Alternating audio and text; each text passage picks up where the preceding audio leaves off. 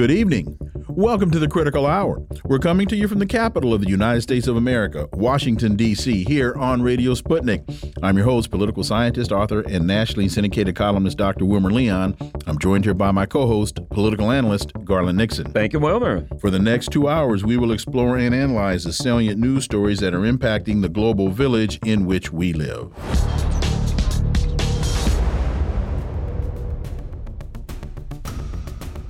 Al Mayadeen English reports Gabon's military seizes power, overturns presidential election results.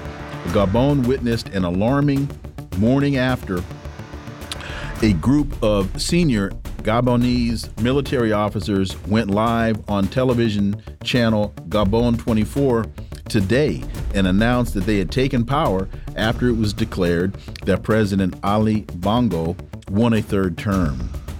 Is this the season of coups? For insight, let's turn to our first guest. He holds the John J. and Rebe Rebecca Morris Chair of History and African American Studies at the University of Houston. He's one of the most prolific writers of our time. His latest book is entitled Revolting Capital Racism and Radicalism in Washington, D.C., 1900 to 2000. Dr. Gerald Horne, as always, welcome back. Thank you for inviting me. So in 1910, Gabon became a territory of French Equatorial Africa, which is a nice or politically correct way of saying it was part of the Federation of French Colonies. On the 28th of November 1958, Gabon became an autonomous republic within the French community, which is a nice or politically correct way of saying that France recognized its relationship with its colonies. And then in 1960, in August, it became fully independent, which is a nice way of saying it became a neo-colonial subject. What's going on in Gabon right now, uh, Dr. Gerald Horne? And this is, of course, following on the heels of the uh, coup in Niger. France is having troubles on the continent. That is for sure. Your audience should know that Gabon, a nation of about two and a half million people, that contains a motherlode of petroleum. It's a member of the Organization of Petroleum Exporting Countries. Gold, diamonds, uranium, manganese, which is important to the, the green economy, uh, is certainly a neo colony of France. It's been ruled for almost 60 years by father and son, the so called Bongo dynasty. The late Omar Bongo, you may recall, was notorious for wearing lifts in his shoes. Mm-hmm he was very sensitive about his vertical challenges, shall we say.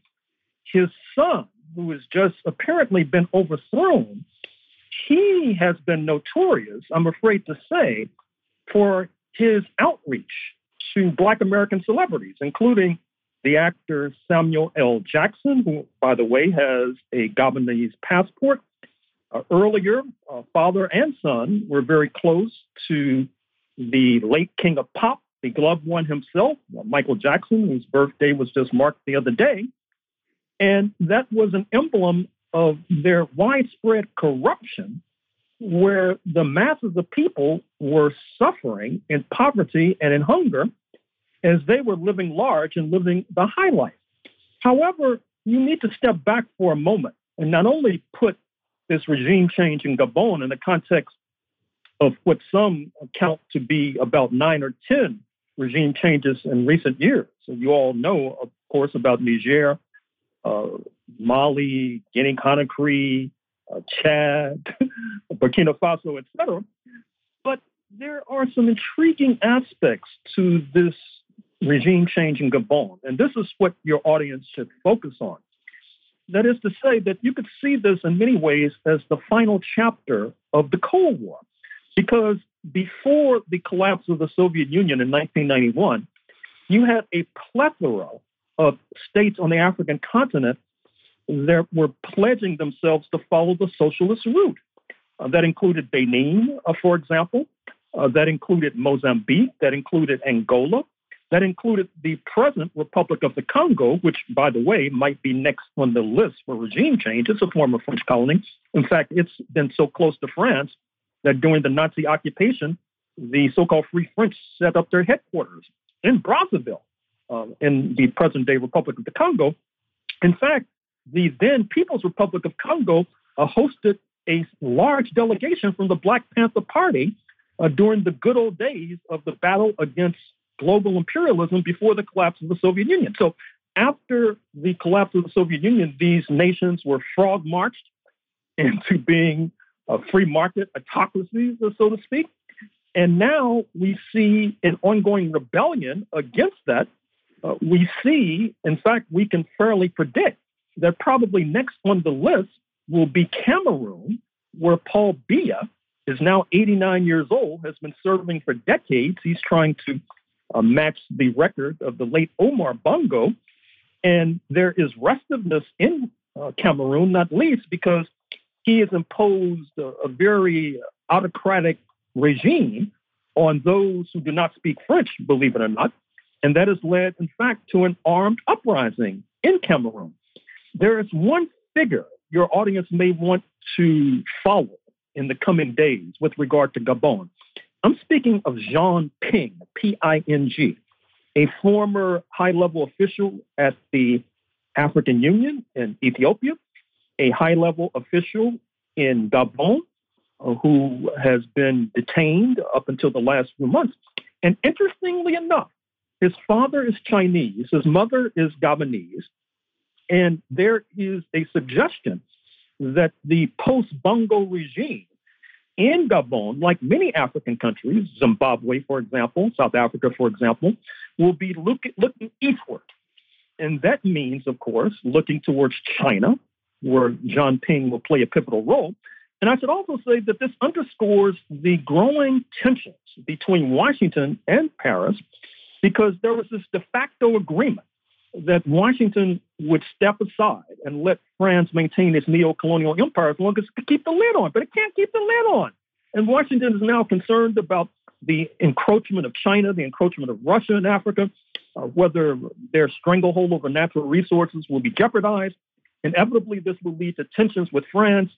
And I m- might be tempted to say that we are officially in a new order a new post Cold War order.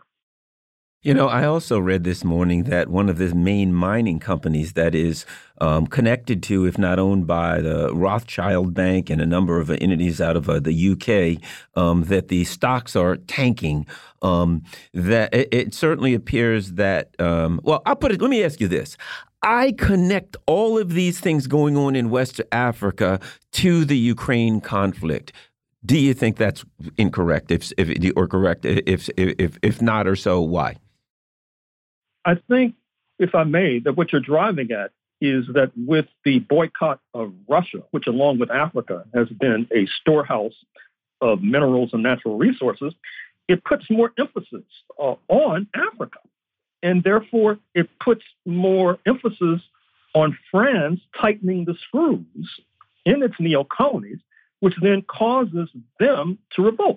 It reminds me of what led to the Haitian Revolution, 1791 to 1804, which, as you know, led to a general crisis of the entire slave system, including the United States, which could only be resolved with this collapse. Well, the prelude to the Haitian Revolution was France borrowing feverishly in order to finance the rebels in North America, led by George Washington, so that they could fight the age old enemy, speaking of London, and as a result of that borrowing, France had to tighten the screws on its own population, had to raise taxes. That leads to the French Revolution of 1789, which then bleeds into the Haitian Re- Revolution of 1791 to 1804. So I think that there is something to what you say in terms of this all leading back to this ill advised, ill fated escapade in Ukraine.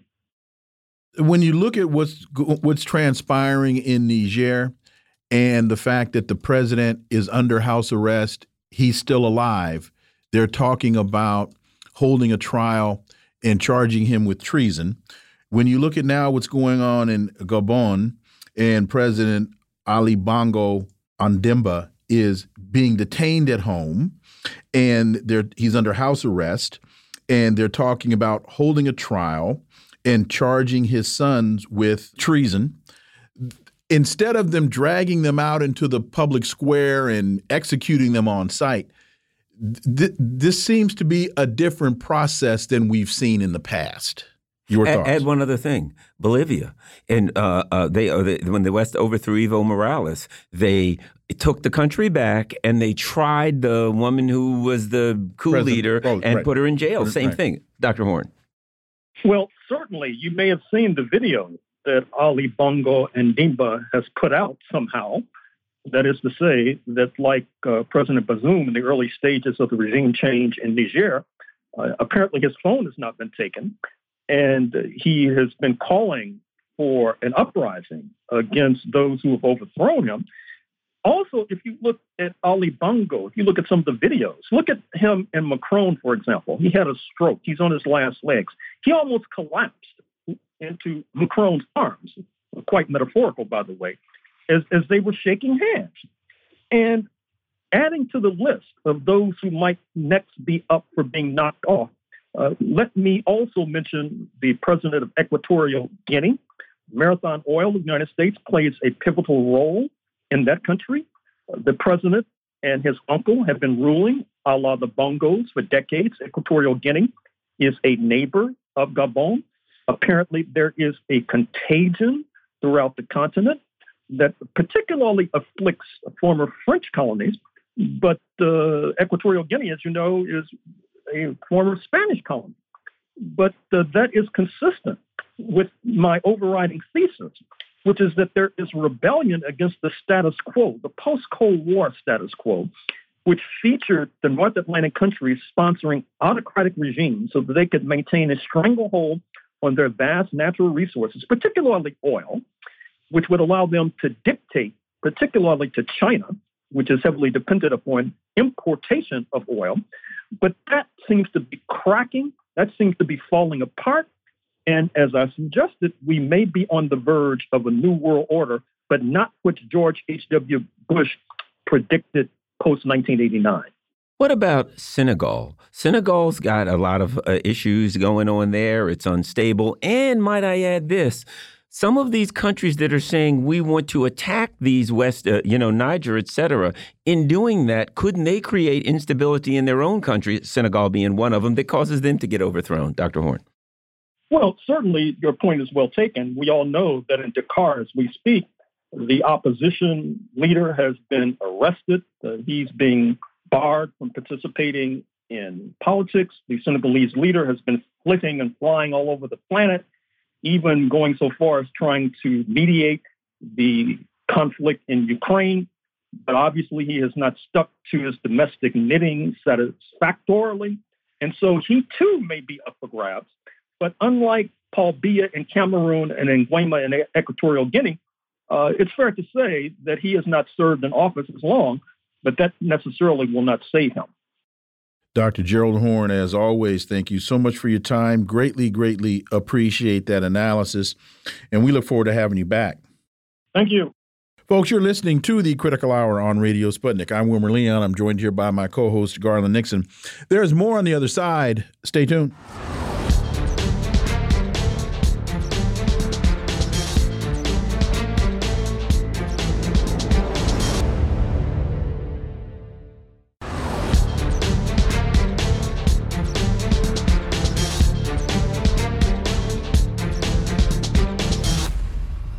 We are back, and you're listening to the Critical Hour on Radio Sputnik. I'm Wilmer Leon, joined here by my co host, Garland Nixon. Thank you, Wilmer.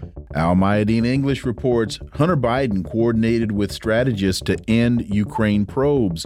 According to the Daily Mail, Biden worked with Democratic Party strategists, that's Hunter, to assist in terminating corruption investigations into Ukrainian energy business Burisma by former Ukrainian prosecutor General Victor Shokin. Well, this revelation could cause a problem for his father's 2024 reelection bid. For insight, let's turn to our next guest. He's the co host of the Convo Couch and AM Wake Up on Rokfin, Craig Jardula. As always, Craig, welcome back. Pleasure to be here, gentlemen. Thank you for having me on. So, in June, U.S. Congresswoman Marjorie Taylor Greene alleged that Burisma, a Ukrainian oil industry holding firm, allegedly paid then U.S. President Joe Biden and his son Hunter a total of $10 million to help halt an investigation into the company by former Ukrainian Prosecutor General Victor Shokin. The Daily Mail cited emails from Hunter's laptop in which he corresponded with Burisma executive Vadim uh, and uh, others to configure ways to shut down Shokin's investigation. Uh, Craig, this isn't getting the traction in this country that one would think it would get, particularly as we get closer and closer to 2024, or maybe that's why. Craig Jardula. Not even just getting the traction right now. Can you imagine this about 20 years ago in the United States? How much more attention would it get? I've said on your show before, gentlemen, the crimes that were committed in uh, Watergate seem like nothing to everyday new news about what's going on in the Hunter Biden situation, on how he used the big guy to better himself. And if we want to sit here and believe that Joe Biden had nothing to do with this, man, I got some land to sell you in the Everglades in Florida. It's just ridiculous. But I wouldn't even call these guys like um, a- activists or what was, what was the term they call these these, these Democratic uh, guys over here, like these uh, strategists. strategists. I would call them strategists. I would call them more insiders, right? They're more insiders. And it's, you know, they went and talked about this back in the days because it was very obvious. I don't know if Joe was going on script or he went off script when he pretty much, uh, you know, incriminated himself and admitted the fact that they got rid of this uh, particular prosecutor. But the timing of this, two gentlemen, does seem awfully suspicious, even though it's not making a lot of noise in the mainstream from the normies it seems like it's a good vessel for when they want to do what we have talked about for quite some time, move Joe Biden exit stage left. So the timing is suspicious. That what's going on is suspicious, suspicious, but it doesn't shock me at all that the fact that we're working with insiders to try to get this case removed out of the public eye.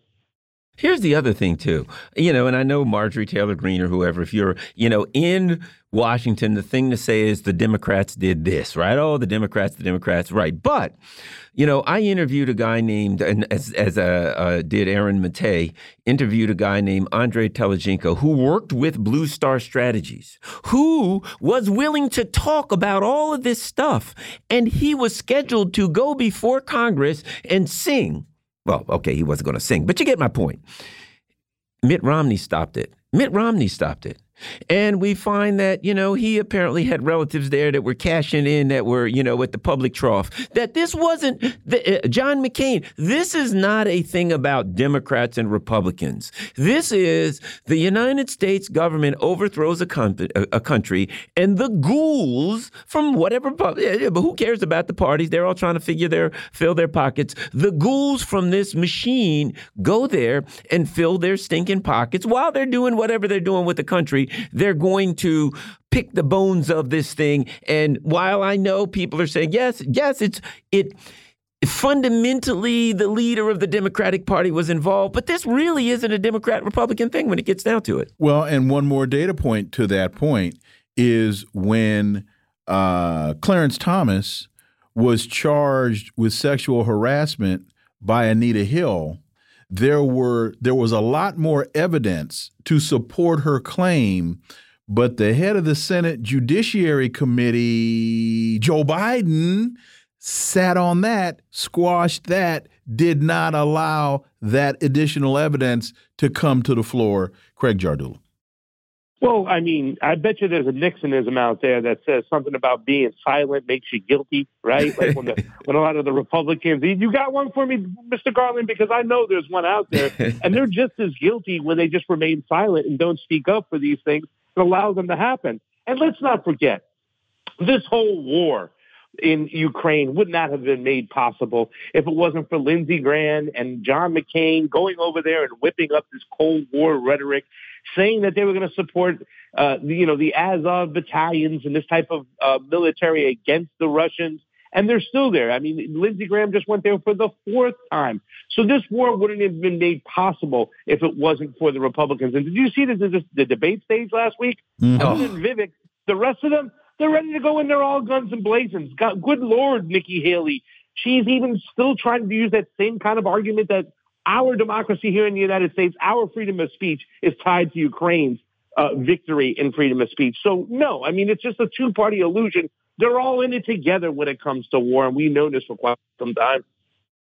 Since you mentioned his name and invasion, just quickly, we also know that Lindsey Graham was talking about invading Mexico in order to deal with. The, so they went to Ukraine and wound up. We wound up in going uh, fomenting the, the the coup and creating the hostilities there.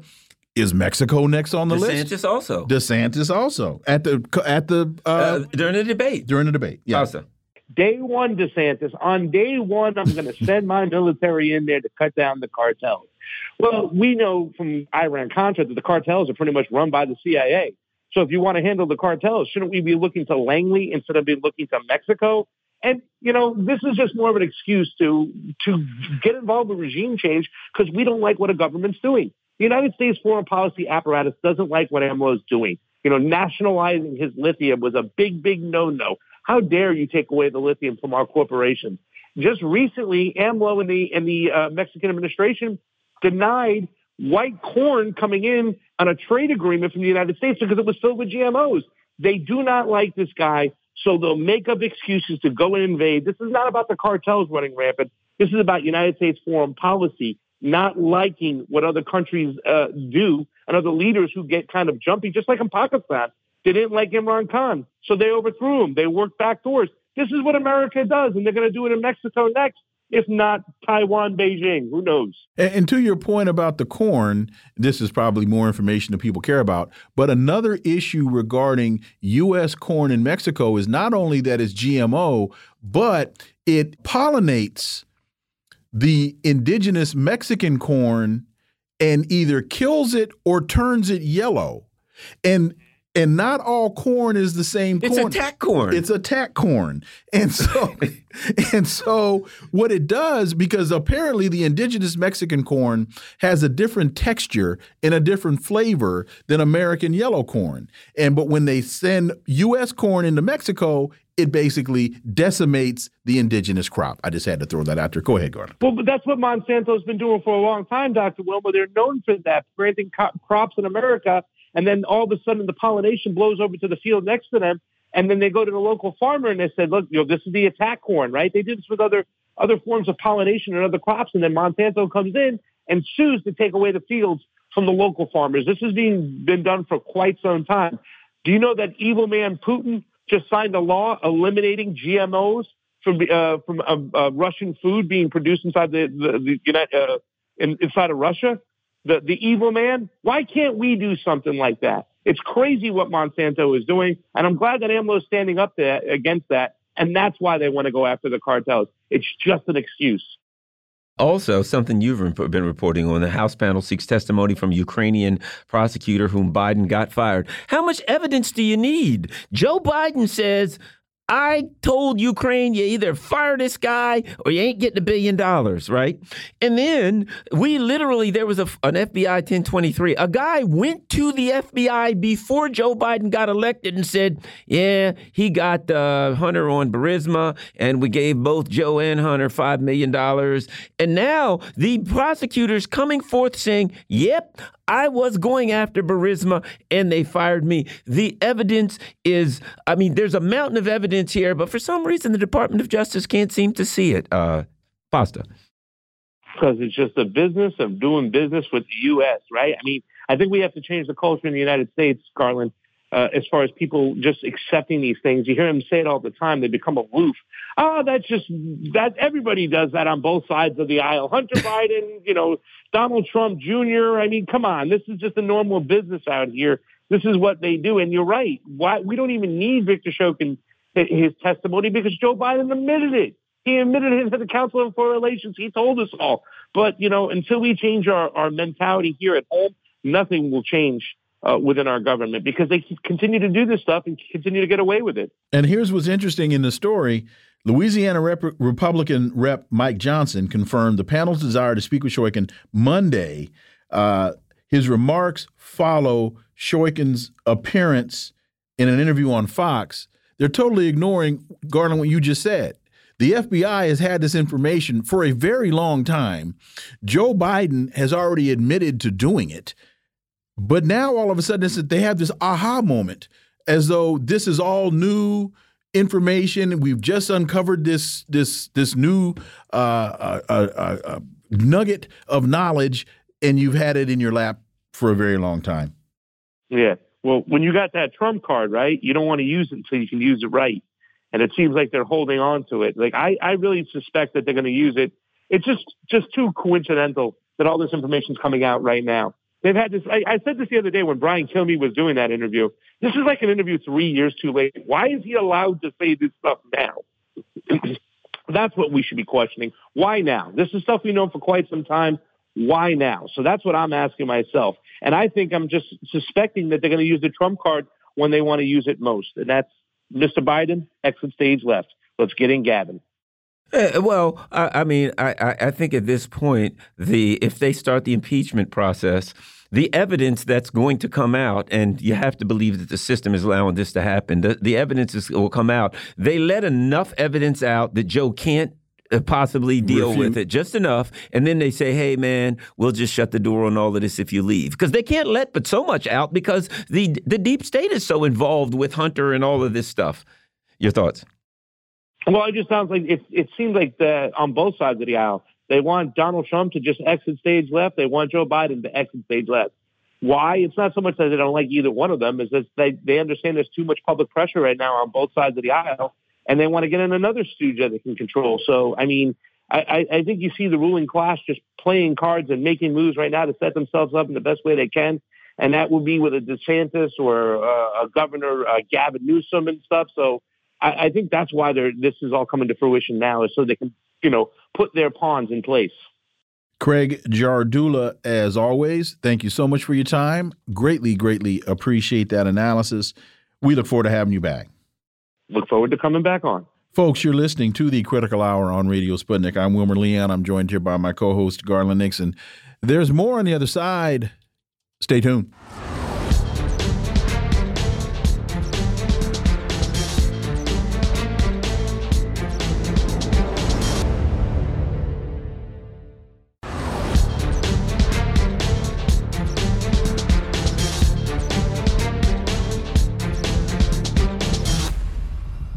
We are back, and you're listening to the Critical Hour on Radio Sputnik. I'm Wilmer Leon, joined here by my co host, Garland Nixon. Thank you, Wilmer. The Wall Street Journal reports Biden looks to prevent future president from ending Ukraine war.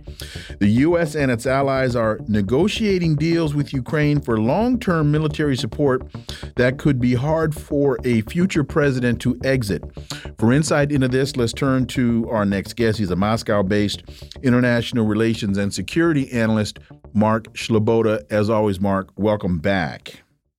Dr. Leon, Garland, thanks for having me. It's always an honor and a pleasure to be on the critical hour. So they're reporting, this is in the Wall Street Journal. You can also find it at antiwar.com, that the Biden administration and its European allies are laying plans for long term military assistance to Ukraine to ensure Russia won't be able to win on the battlefield and persuade the Kremlin that Western support for Kiev won't waver. Mark, if this assessment is correct, this tells me that Biden and his crew and the so called allies, they just aren't listening. They don't get it. They're being blinded by their own hubris and arrogance. And, you know, on the corner, they would say, they, they just stuck on stupid. Mark Sleboda. Yeah, I would I would say, you know, the the classic idea see no evil, hear no evil, speak no evil. They they are willfully ignoring what is going on on the battlefield. Uh, on the damages, uh, the, the the manpower casualties that the Kiev regime is suffering, uh, some 45 thousand, according to the Russian Ministry of Defense, just in the last three months of their offensive. Um, they're in Kiev. They're now building the largest cemetery in the world, larger than Arlington National Cemetery, um, which was filled of generations of imperial wars for the United States. While uh, this one uh, is involved in just just one. The Kiev regime uh, documents have shown that the Kiev regime is now desperate. The their military is pushing the regime to adopt a policy of total mobilization, at least in the eastern part of the country, where most people are are Russian ethnic or Russian speaking, of course, um, which some have argued amounts to uh, a a genocide. Um, so uh, and the massive amounts of of NATO military gear that have been d- destroyed in this the third army that the Kiev regime has because they started off with mostly an army of Soviet legacy equipment and then they uh, uh, received a second mil- uh, army of um, uh, Soviet legacy equipment from the former um, states of the Warsaw Pact that are now a part of NATO. That was last summer. And now they're, they're on the third army that they've attempted to cobble together. And yet, still, they're insisting that if they send just a little bit more and then they can't stop sending more. I mean with with biden trying to bind future presidents uh, i mean why not? Why not install a new constitutional amendment to make sure that the us president never stops waging proxy war against the other uh, nuclear uh, a superpower, at least in terms of uh, nuclear strategic deterrent in, in in the world. I mean that you know that that is the case that we're going along to deny future presidents their own right to foreign policy, um, and uh, he is terrified that this uh, foreign policy of seeking uh, global hegemony at all costs uh, might be put aside by Trump or someone else uh, who uh, might succeed him uh, to the presidency in the next term. Um, the thing about these long-term security guarantees is that the way, first of all, they're it's nothing but what the West is already providing, right? It's arms, training, uh, finance, and intelligence. What they're already doing, but the idea is just that they will commit any semi semi legal uh, treaty format to do it to a certain amount for a certain period of time.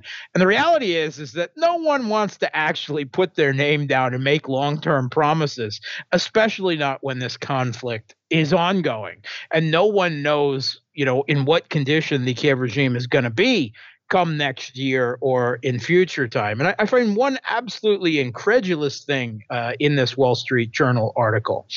They claim without credible packages of support, right? So that, you know, the idea that even after this conflict ends, that Washington will keep uh, and, and NATO will keep pumping arms into Ukraine. R- without credible packages of support, Russia is unlikely to be deterred from continuing the war. Western officials acknowledge. Well, that's just I'm sorry, that's that's butt backward, right? I mean, if you say that after this conflict is over, we're going to promise to send them more arms. We're going to train them on F 16s. We're going to give them this and that. Then that actually deters Russia from seeking any type of negotiation. And that practically guarantees that they must continue so that they don't face any secure any future security threat uh, increased uh, uh, by uh, you know NATO uh, continuing to pump pump arms into Ukraine. So that makes absolutely no sense from a a diplomatic perspective. Well, here's the other problem, you know, and I hate to be morbid. At some point, you got to ask the questions: Where are they going to get Ukrainians from? You know, I mean, they've used them, they've burned them all up like cordwoods. It's a sad state of affairs because, as uh, Cornel West says, you know, we have to stop viewing people in other countries as either, you know, members of evil things or members of chess uh, of, of a chess game and pawns. We have to see them as precious human beings. That's what Cornel West says. If you take that perspective, they're viewing Ukrainians as a simply cannon fodder, but b as though they have infinite cannon fodder. At some point, there ain't going to be none left. I have been reading. I got to find it. Apparently, there is a um, an interview out there where some Western reporter is interviewing a 71 year old trainee for the Ukrainian army. At some point, what do you have people in wheelchairs and you know with with um, you know uh, uh, seeing-eye dogs out on the battlefield? Mark not not just the 71 year old, but the 71 year old that the regime sent to Europe to be trained by NATO, which means that NATO troops are training a 71 year old Ukrainian pensioner to go fight Russia for them. That is really sad. That is cynical. That is sad. Uh, there are other words that could be used to describe it, but I will just leave it there. They are facing manpower shortages. Um, the, I mean, if you take a look simply at the well, the revised population figures uh, and the number of refugees that have fled the country either to Russia or to the West uh, over the course of the conflict, it still on paper looks like they should be able to draw some three to five million men of military age for manpower. The problem is they don't want to fight for the regime and they are actually actively resisting the the forced conscription, the press gangs that are roaming the country. They're trying to bribe their way out of the country. Uh, uh, Ukrainian uh, men uh, of military age, or now even 16, uh, got to get them. You know, uh, can't let them leave before they reach that that vital age. they are, aren't haven't been allowed to leave the country for the course of the conflict. They are they are prisoners to be called up as cannon fodder. Essentially, it is a prison country at this point.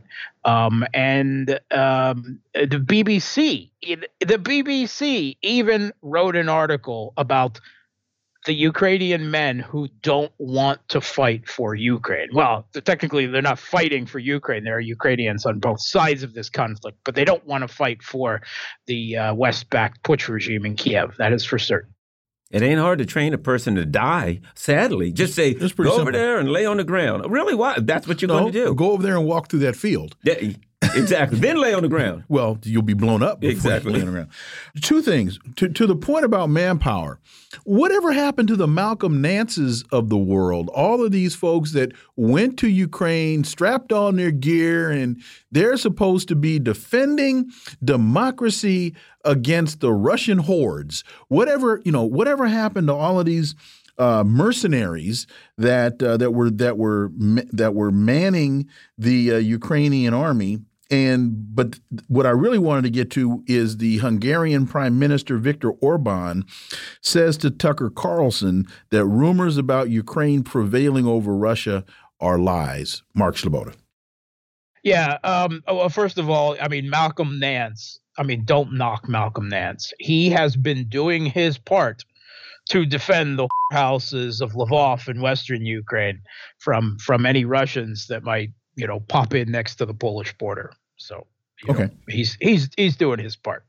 Um, but um, I, this conversation that you're referring to, um, Tucker Carlson recently gave uh, or, conducted an interview with the uh, Prime Minister of Hungary, Viktor Orban, and it's very interesting because Orban is another figure that is castigated within the West. Right? He is he is the persona non grata that that you know essentially uh, you know other European countries and even the U.S. Uh, recently sending Samantha Powers to Hungary are are looking to try to to shake up Hungarian politics uh, to to try to uh, get him removed from power. Ultimately, because one, he's not a liberal. Uh, he's he's quite definitively a conservative, but Hungary is a conservative society, uh, and and two, he is a foreign policy realist and pragmatist, and this really comes out in the interview. I think this is a vital interview because he is the only figure in Europe right now who is a statesman in the sense of foreign policy. He is the only one with a realist view of both the conflict in Ukraine and, and the greater geopolitical position. And he doesn't pull any cards. I mean, he outright discusses, uh, you know, uh, the, the, likelihood of, of U.S. responsibility for the destruction of Nord Stream, and he he basically mocks Germany.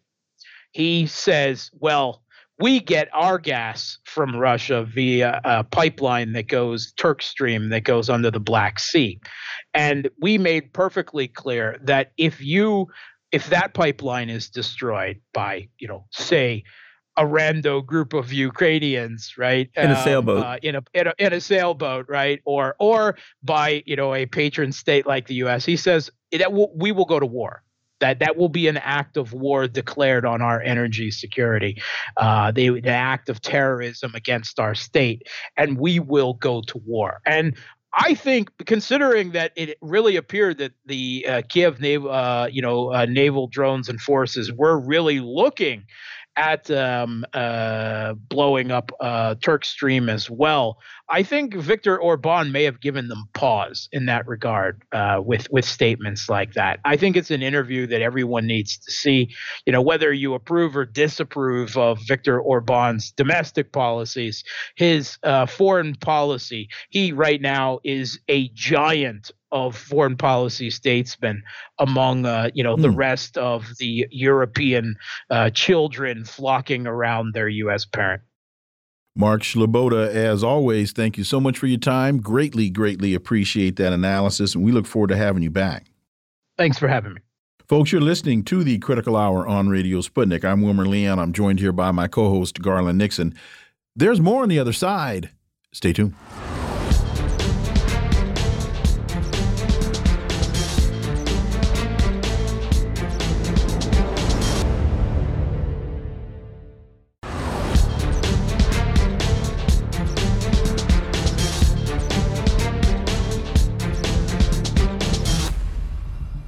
We are back, and you're listening to the Critical Hour on Radio Sputnik. I'm Wilmer Leon, joined here by my co host, Garland Nixon. Thank you, Wilmer.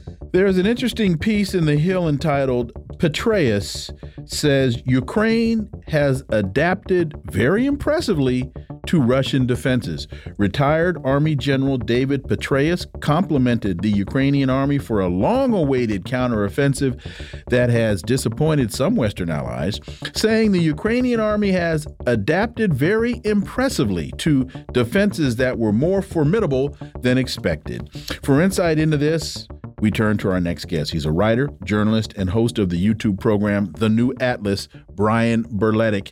As always, Brian, welcome back. Thank you so much for having me back. Quote No plan survives contact with the enemy, and that has been true in this case, Petraeus said in an interview yesterday on CNN. Certainly, there were hopes that they might be able to mount combined arms operations that would penetrate the Russian defenses, but that was before we all learned about the depth of these defenses, about the sophistication of them. The Ukrainians, I think, have adapted very impressively. I do think those in the West ought to acknowledge the Ukrainians probably know best their own terrain, their own troops. They know their own strengths and they know their own weaknesses. They are picking their way through these minefields and they have made progress, he added. Brian, this sounds like the corner telling the boxer, you're doing great, but just try not to stop as many of those straight jabs to with your face as you possibly can. What in the world? And you saw this interview. What in the world is Petraeus saying?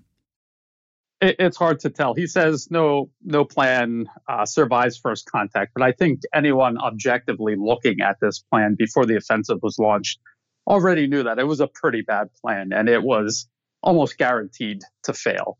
And then he's talking about how we couldn't foresee how how extensive Russian defenses were. Well, all you had to do was read the New York Times in December last year. They had satellite pictures, they had photographs of the the dragon's teeth and the anti-tank ditches, and, and they had maps. I mean, it was it couldn't be clearer that Russia was more than prepared for this offensive, that they are fighting this this long war, this attritional war, and that uh, Ukraine was playing right into that by launching this this offensive into well prepared defenses.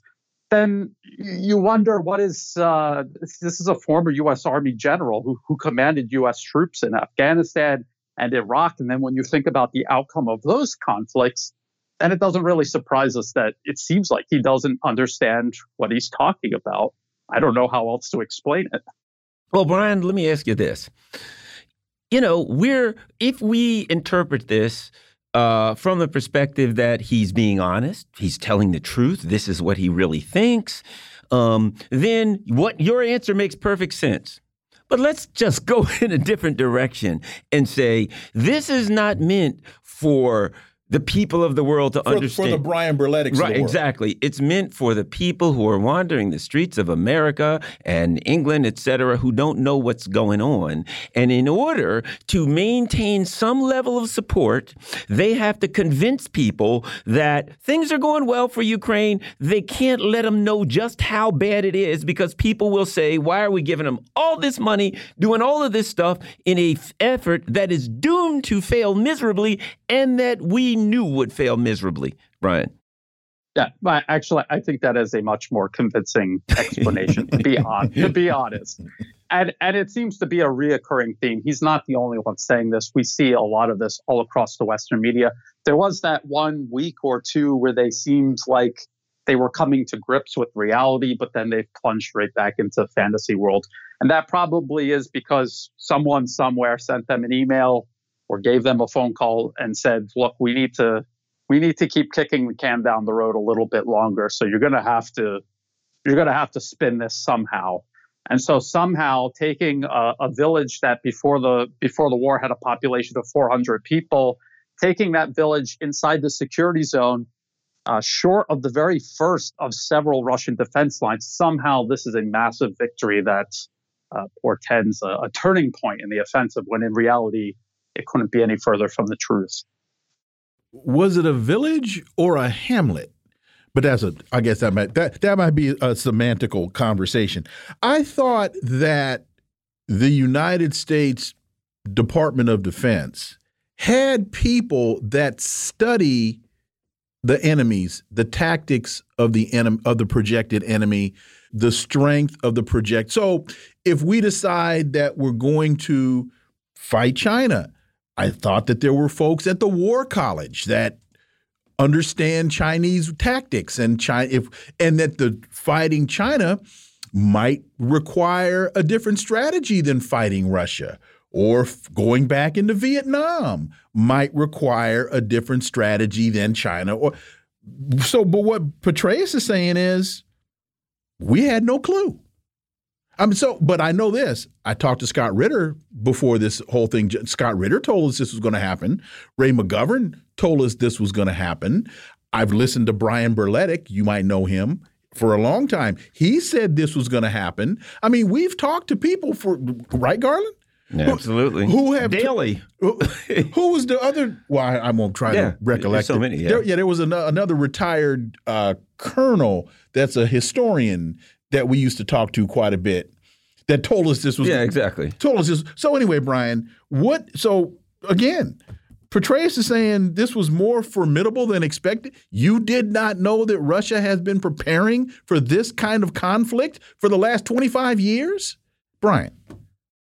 Yes, and and uh, my my analysis, I draw almost everything from Western sources. I dig uh, through articles past the propaganda. I try to gather as many facts as possible. And if you did that, even amongst what the Western media is putting out, you could have found the truth to all of this that that they were not prepared, that there's an ammunition shortage in terms of artillery, that they have no air power, that their air defenses have been worn down and uh, were negated at the beginning of the offensive. All of this spelled absolute disaster for Ukraine. Someone somewhere in the Pentagon has to know all of this. And if they're if the, these facts are floating around and no one is putting them together, it's probably because politically they're not allowed to. They're not allowed to put the facts together and present this in the form of a report that says this cannot be done because politically they insist that it must be done. And it it, it does repeat itself. Uh, you mentioned Vietnam, Afghanistan, Iraq, it, it's the same story over and over again. Politically, they need to do this. Uh, in reality, they cannot. So they're going to try to hammer that, that square peg into the round hole one way or the other. The Duran.com has an article, Why NATO Needs Banderistan Ukraine. And here's an interesting passage. It has to be quite clear that the plan for the war was not made either in Ukraine or Russia. Both countries are tragic objects of the Western geopolitical plans and their own weaknesses. All we are looking at is a crescendo of processes that began long before 2022. All you need to do is read um, The Grand Chessboard by Zbigniew uh, Brzezinski or the 2019 RAND document, where they basically said, this is what we're going to do, and now they've done it. Uh, uh, Brian. Yes, uh, and that that that RAND document really did spell it out. But they also warned that if you did trigger a conflict with Russia, it, it could spiral out of control in favor of Russia, and I, that's exactly what's happening right now. And it's again, we were just talking about how someone somewhere had to know all of this was going to happen. They did know about this years before this even began. They knew exactly what they were provoking in terms of um, uh, overthrowing the government in Ukraine in 2014 and militarizing it. And before that, overthrowing the government in Georgia, militarizing it, and then having Georgian forces attack Russia in 2008. It was it was a threat that they were creating along the borders of Russia that Russia had to react to. They knew that, and they knew they were provoking Russia in, in a way that they they they could not otherwise not do. And it, if you reverse the situation and you think about if this was the United States encircled by by hostile powers militarizing proxies on their border, it, it, becomes so much clearer. So. Uh, yes, this is not a this is not a war between Russia and Ukraine. This is a proxy war between the U.S. and Russia, and Ukraine is caught in the middle. The only part of that statement I'll take exception to is that uh, that both Russia and Ukraine are proxies here. I, I, I, we know Ukraine is, but Russia has been preparing for this very type of conflict for the last 25 years. That's why they got so much artillery. It's in their garage. Oh, you need another wrench? I got a whole bunch of wrenches in my garage. Uh, that, that's the only, but, but th this continues. After this conflict, well, never since the end of the Second World War has madness ruled Europe as it does today. Europe is reminiscent of a puppet show run by an invisible U.S. hand. After this conflict, the ethnic Ukrainians will lose the most, regardless of the saying that there is no winner in a war.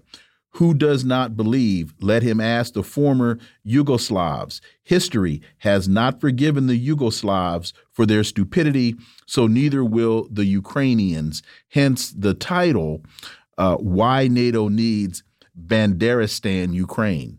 Brian. Yes. And and that that is really it's history repeating itself over and over again. These nations that allow themselves to become US proxies are setting themselves up for self destruction. The whole point of a proxy war is to fight someone else at someone else's expense. Uh, we saw this in Libya, the, the so called rebels there. How, how are they doing now? How are the political opposition parties that the US backed then? How well are they doing now if they're even still alive? The same goes for Syria and in Iraq. And now we're talking about Ukraine. The, the country is being completely destroyed economically, militarily, and their territory is being taken. Uh, what is going to be left at the end? Uh, how how does this benefit the Ukrainians, even if in their wildest dreams they somehow manage to quote unquote win? And uh, it, it, reminds me of the plans that they are they are creating for Taiwan, where they say, mm-hmm. "Oh, Taiwan can continue existing as a politically autonomous uh, uh, region, all it has to do is give up all of its infrastructure and and and industry and everything else. But all, it, all, all it has to do is give up all of its autonomy, and then yeah. it can be autonomous. The people will be dead, but the island will be in good shape. Um, uh, here's another article, one more article, and this is interesting because it was in the Telegraph. The war in Ukraine is uh, one of attrition, fought on terms that increasingly favor Moscow. Kiev has dealt admirably with shortages of Western equipment so far, but a shortage of manpower, which it is already having to confront, may prove fatal. Hmm. That seems to go against what General Petraeus is saying, Brian, and that's in the Telegraph.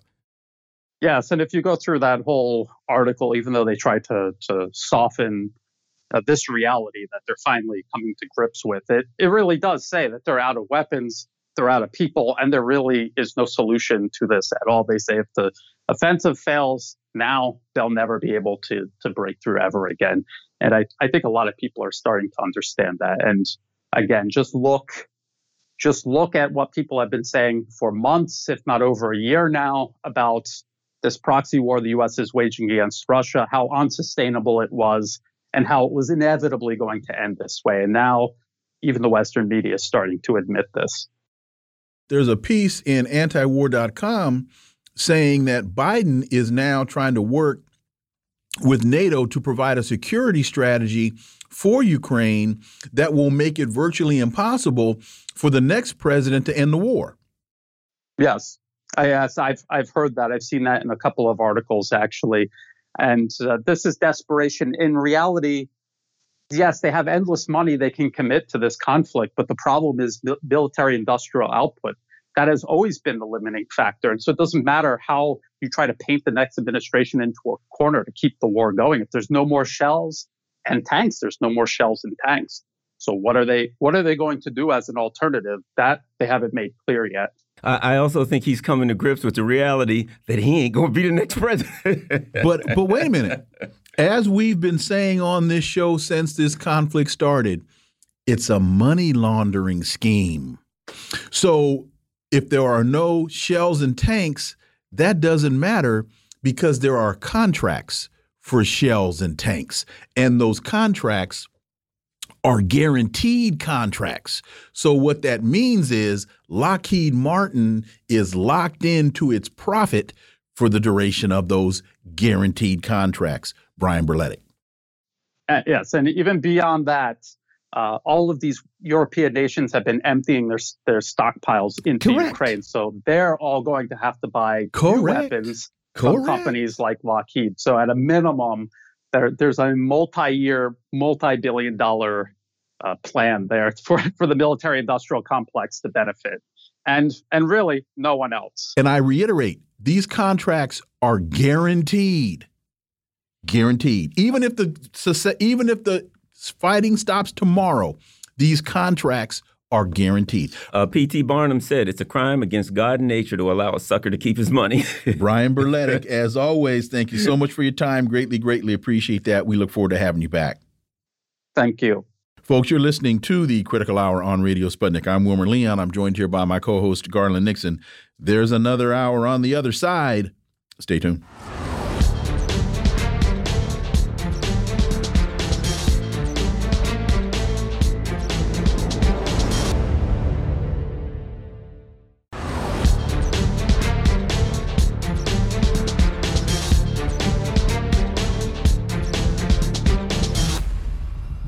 We are back, and you're listening to the Critical Hour on Radio Sputnik. I'm Wilmer Leon, joined here by my co host, Garland Nixon. Thank you, Wilmer. The Libertarian Institute reports congressmen visit rebel controlled Syria, meet with Al Qaeda linked group. Three congressmen traveled to a region of Syria controlled by Hayat Tahrir al Sham, an offshoot of Al Qaeda. The congressional delegation met with several Syrians who were suffering and blamed President Bashar al Assad for poor living conditions.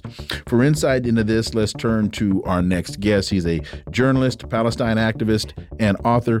His latest book is entitled Settler Colonialism in Palestine and Kashmir. Robert Fantina, as always, welcome back. Thank you very much. I'm very happy to be here. So, Republican Congressman Ben Cline, Scott Fitzgerald, and French Hill spent about 30 minutes inside rebel held Syrian territory on Sunday.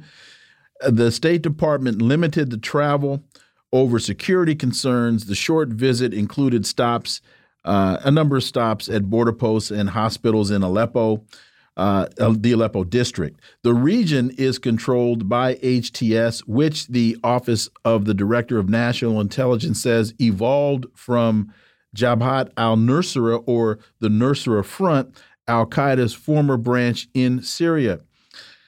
Again, they met with Syrians who were suffering and blamed President Assad for poor living conditions. Robert, first of all, uh, I thought Former President Bush vowed to win the war against terrorism and zeroed in on Al Qaeda and Osama bin Laden in Afghanistan as the primary target. So, What are American members of Congress doing with meeting with so called established terrorists? And they blame Assad for poor living conditions, but they don't mention U.S. sanctions on the country as impacting their quality of life. Robert Fantina. Right. The U.S., of course, has supported uh, different factions of Al Qaeda from the start. So this this is nothing new. Uh, the fact that the the people, either people that these congressmen talked to or the congressmen themselves, uh, this article isn't clear on who said that the suffering was blamed on uh, President uh, Bashar al-Assad, but the the fact that the United States has uh, strict and punishing sanctions against the government of Syria has caused untold suffering for the people there. Even when there was an earthquake uh, in in Syria earlier this year, the sanctions prevented aid from reaching the foreign aid from reaching the victims of the earthquake, and the United States wouldn't wouldn't ease the sanctions for that. So we have again the United States supporting terrorist organizations, not caring about suffering people anywhere, and just working to continue to destabilize the Middle East so that Israel remains the only powerful country in that part of the world. Uh, and the United States, that's all that matters. International law, human suffering, human rights, none of that is important as long as its geopolitical goals are met. And just really quickly, it's interesting that these people say that their lives are such poor living conditions. President Assad won the last election with, I think it was 86% approval. And one of our regular guests, Dan Kovalik, was an election observer and was there in Syria on the ground and said the elections were free and fair. Uh, that wasn't mentioned in this article. I guess they overlooked it that that's an important item to overlook. A democratically elected government that the U.S. again wants to overthrow.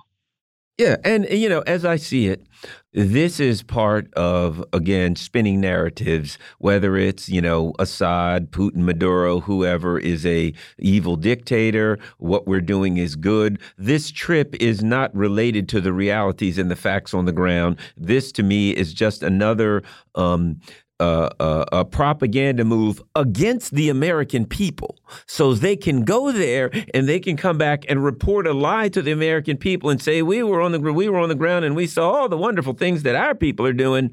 And boy, Assad's evil. So to me, ultimately, the, all these come back to me as propaganda moves against and aimed at the American people that's a, a, good way of looking at it.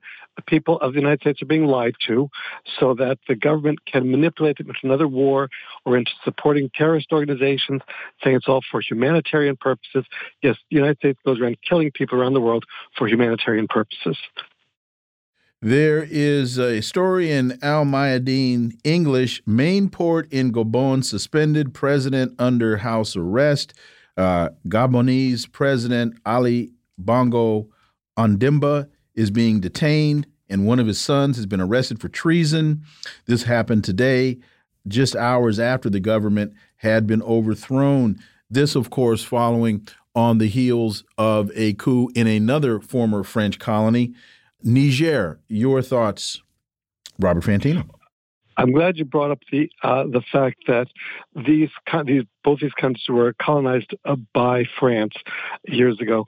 The colonization of so many countries in Africa has had negative consequences for the people of those countries for generations. And this is just the latest one, where there's the, this uh, infighting, the uh, inability for the the one uh, government, the, the, the president who just won re-election, has just been overthrown, uh, has been he or his family have been in power for for decades and decades. So again, this is when when a country ceases to be colonized, the impacts of colonization don't leave it with with the, the colonizing population, and we're seeing here a country that has been uh, damaged for for years, been left on its own, and the people there have not had the opportunity to really establish a government for themselves because for so many years they were told what to do, and and now we're seeing that kind of uh, chaos as a result. Uh, once France decided it no longer wanted to be there or it was no longer feasible for it to be there, France left and left a vacuum. And these other these various factions will attempt to fill that vacuum. The other thing is, and I mean, you can compare this to the Middle East. You can compare this to to, to Lebanon. Um, you can look at what's going on in Syria, and that when the whether it's France or whatever these colonial powers are, when they ostensibly leave. They leave a ruling class. They leave puppet leaders. So they create the illusion of independence. But if France is extracting your resources, keeping all your money, and your people are impoverished, you don't actually have independence. They just put a puppet in, in, in power to give people so they can, the people in the country know they're being had. They want to ensure that when they go home to France or the United States, they can pretend as though they've given them independence at home and as they're doing the right thing as they continue to steal their stuff. Well, and quickly, just to that point, so when when the when the colonizer leaves and in quote unquote independence is given, that's flag independence, and they might even have a bit of political independence. What these countries are now struggling for and accomplishing through their coups is economic independence because that's when you become free, is when you're able to control your economy. Robert. Yes, I agree completely. And with uh, France and other countries still wanting the, the natural resources and establishing one puppet government after another who a government that does not care about the people of the country. They don't care about their their rights, their uh, their desires. There's no thought of self determination. Then people are going to rise up and try to seize their economic power so they can truly be independent. And that's what we're seeing in, in uh, Gabon and, and other countries as well. Well, when I think about Lebanon, they set up institutions and they set up, uh, for instance, in Lebanon, you know, they set it up where the president has to be a, from a particular ethnicity or religion, and then the prime minister, whoever, this person has to be in another. So you can't just, the people can't just choose who they want. So they set up a dynamic in these countries when they leave so that the, whoever is supposedly in charge, the institutions are there so that first and foremost, they can uh, extract their resources and they can decide what's going on in that country, even as they make it appear as though they're not. Robert. Yes, the institutions, as you mentioned, are established to continue the colonization even after the, the, the settlers or the soldiers leave. But the colonization continues because of the the theft of the uh, the natural resource of the country and the inability of the people, because the institutions that have been established by the colonizer, to uh, have to, to determine for themselves what kind of government they want.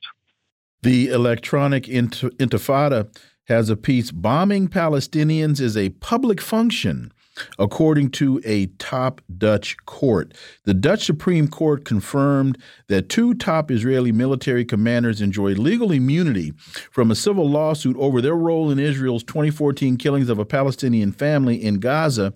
The decision upholds a 2021 lower court ruling that under customary international law, officials of a foreign state enjoy immunity from civil lawsuits in Dutch courts for any acts perpetrated while carrying out a public function. Robert Fantina. To, to think that bombing a family, a defenseless family, is a public function is it, it's just absolutely ludicrous.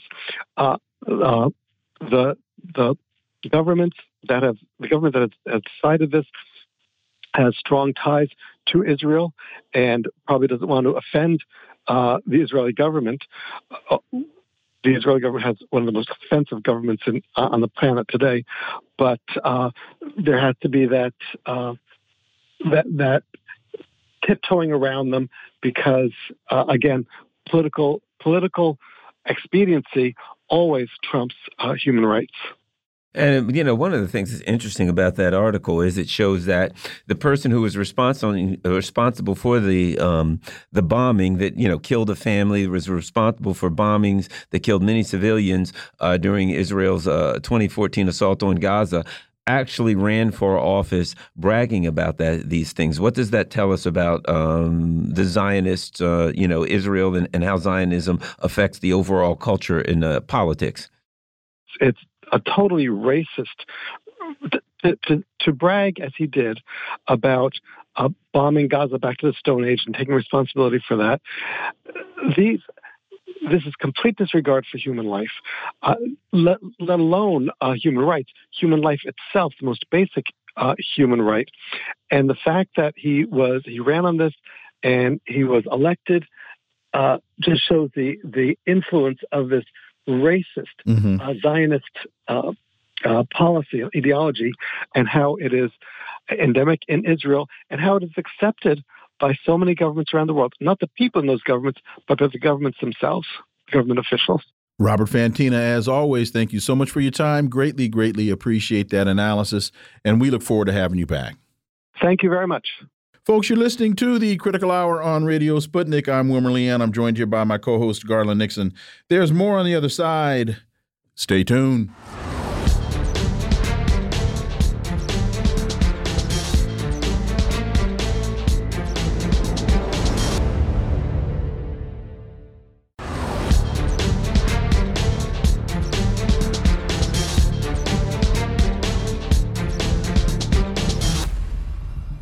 We are back, and you're listening to the Critical Hour on Radio Sputnik. I'm Wilmer Leon, joined here by my co host, Garland Nixon. Thank you, Wilmer. Black Agenda Report has a piece entitled Tens of Thousands Pledge to Resist an Imperialist Backed Intervention in Niger. Millions across the West Africa Sahel region and around the world have loudly objected to the imperialist instigated threats against the newly installed National Council for the Defense of the Homeland government in Niger. For insight into this, let's turn to our next guest. She's the senior editor and senior columnist at Black Agenda Report and author of Prejudential Black America and the President Presidents, Margaret Kimberley. As always, Margaret, welcome back. Thank you so much. So, this piece continues from left political groupings to more moderate and even conservative forces recognize the grave danger inherent in the proclamations of some members of the Economic Community of West African States, or ECOWAS, to stage a military intervention into Niger aimed at restoring the former President Mohamed Bazoum. Margaret, speaking to the diplomats in Paris about French foreign policy on Monday, Macron stated that despite the coup leader's order to leave the country, the French ambassador would re remain in Niger. Talk about getting set up. And we now have a coup in Gabon that launched this morning. Margaret Kimberley. Well, a, a couple of things. The coups are always problematic. Um, they can disrupt. A lot of them are, they can be left wing, they can be right wing, but uh, if they um, are defying what the people want, then they are not good. And the African Union frowns upon coups as a method of changing government. How, having said that, um, so it's complicated. Niger did have this military takeover, a military coup about a month ago. It seems, though, to have popular support. But the bigger issue is that France and the U.S. are interfering in the affairs of Niger, a country that has uranium, a country that hosts a, a U.S. drone base. Victoria Nuland, the new uh, Deputy Secretary of State, uh, went there herself to try to uh, undo the actions of the new military governor government, and they told her, "Nice to meet you. Please go back home." Um, the deposed president under house arrest has talked to Antony Blinken. Has had an op-ed in the Washington Post. So that tells you what side the U.S. is on. Uh, but the U.S. doesn't have a right to interfere. The U.S. has instigated ECOWAS, this union of uh, countries in the region, to invade Niger. Um, Nigeria um, uh, has the ability to cut off their electricity, which it has done. Uh, uh, so medicine has gone bad, food has gone bad. So they're doing this on behalf of the U.S. It was recently announced that Nigeria's president will have a meeting uh, with Biden uh, next month uh, here in New York for the annual UN meeting. And there's nothing good about that. So you have the U.S. and France stirring up trouble on their behalf and undoing the will uh, of the people of uh, Niger. If there are any problems with their new government, it's for Nigerians, the people of that country, to decide without any interference. Now, today's coup, uh, Margaret, with uh, in the country Gabon, Gabon um, saw very similar dynamics in that you know we have a government that has ruled um, basically as a, a, French puppets for 55 years. The son, the father, and now the son, um, and you have um, basically an election that the people felt was uh, suspect at the least. The election goes is over, and the government and the military says, "Nah, this is not happening. It's over." The we're running this uh, family basically out of uh, us in a country of 2 million that is loaded with oil gold and uranium 33% of the people are like living on less than $3 a day. There's total poverty. And, and as you said, Gabon, the people are out cheering the government. And as I've been saying, it's kind of like when Malcolm X said about the field slaves, when the field slaves, when someone says, Would you like to run away? And they say, Any place is better than here. So we're almost seeing the exact same dynamic in Niger, uh, in Gabon today. Your thoughts on that?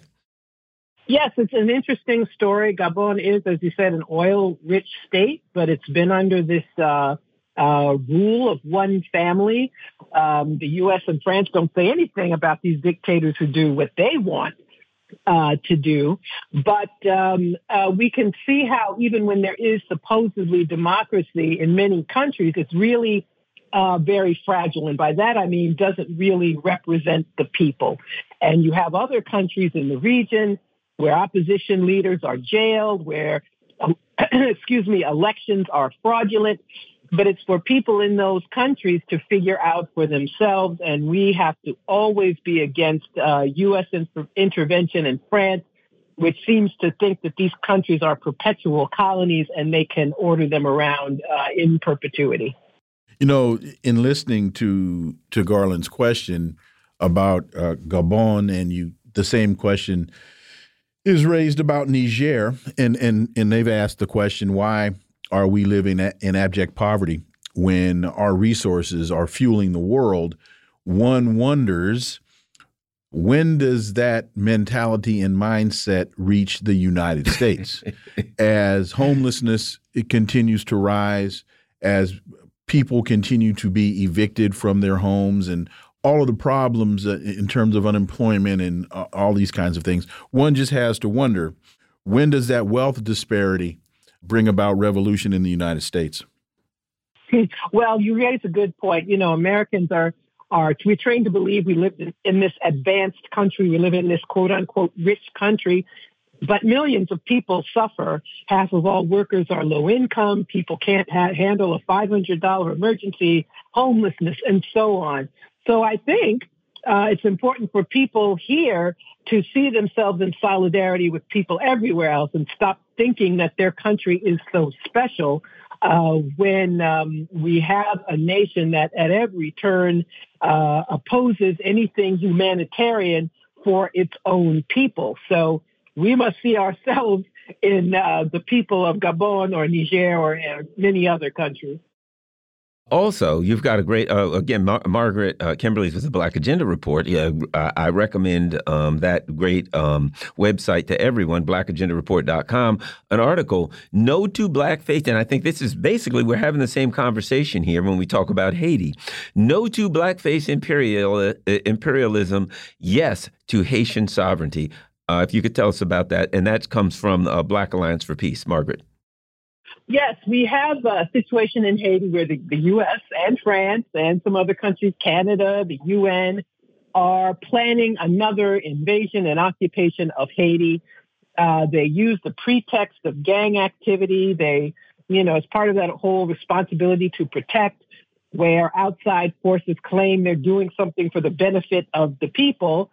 Um, uh, and in the case of Haiti, all of Haiti's problems are caused by these people, caused by these prior occupations caused by the U.S. People like Hillary Clinton who forced them to do an election over because she didn't like the person who won, by these uh, Haitian oligarchs who work in league with the U.S. who have weapons shipped in, and we're told all the time about gang activity, and nobody talks about how the weapons get in uh, to Haiti. And that the gang problem is something uh, that Haitians themselves um, uh, must resolve, and that people have been literally fighting against, taking up arms uh, against uh, those forces. Uh, but the the latest um, uh, tactic is to use black countries as the occupying force. And that makes it appear as though it's not racist. Of course, it is very racist. You just have black puppet governments. Kenya, Kenya, on the other side of the world, with its own human rights um, uh, problems, says it will send troops. Why? Well, the U.S. Um, uh, asked them to do it and may have pressured them in some way. I'm sure. Uh, I'm sure they did pressure them in some way. Uh, uh the Bahamas and Jamaica uh, are also committed to sending police forces or troops or whatever you want to call them, but they're doing this at the behest of the U.S. So uh, that is why uh, Black Alliance for Peace calls this blackface imperialism. It's still imperialism.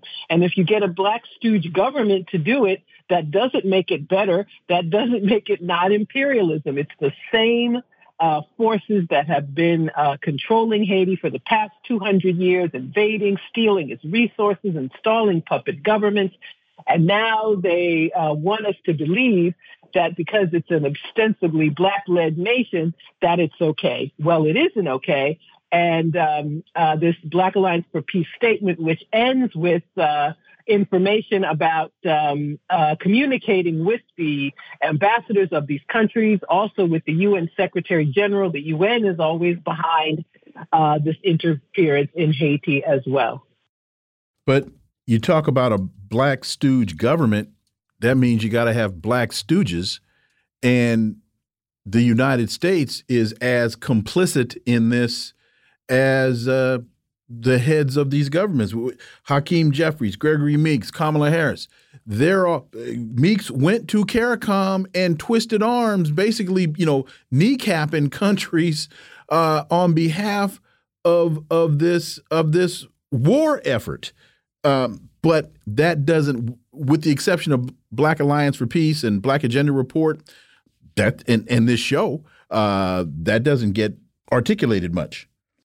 Well, all of those people, the usual suspects, they all went to the recent CARICOM conference.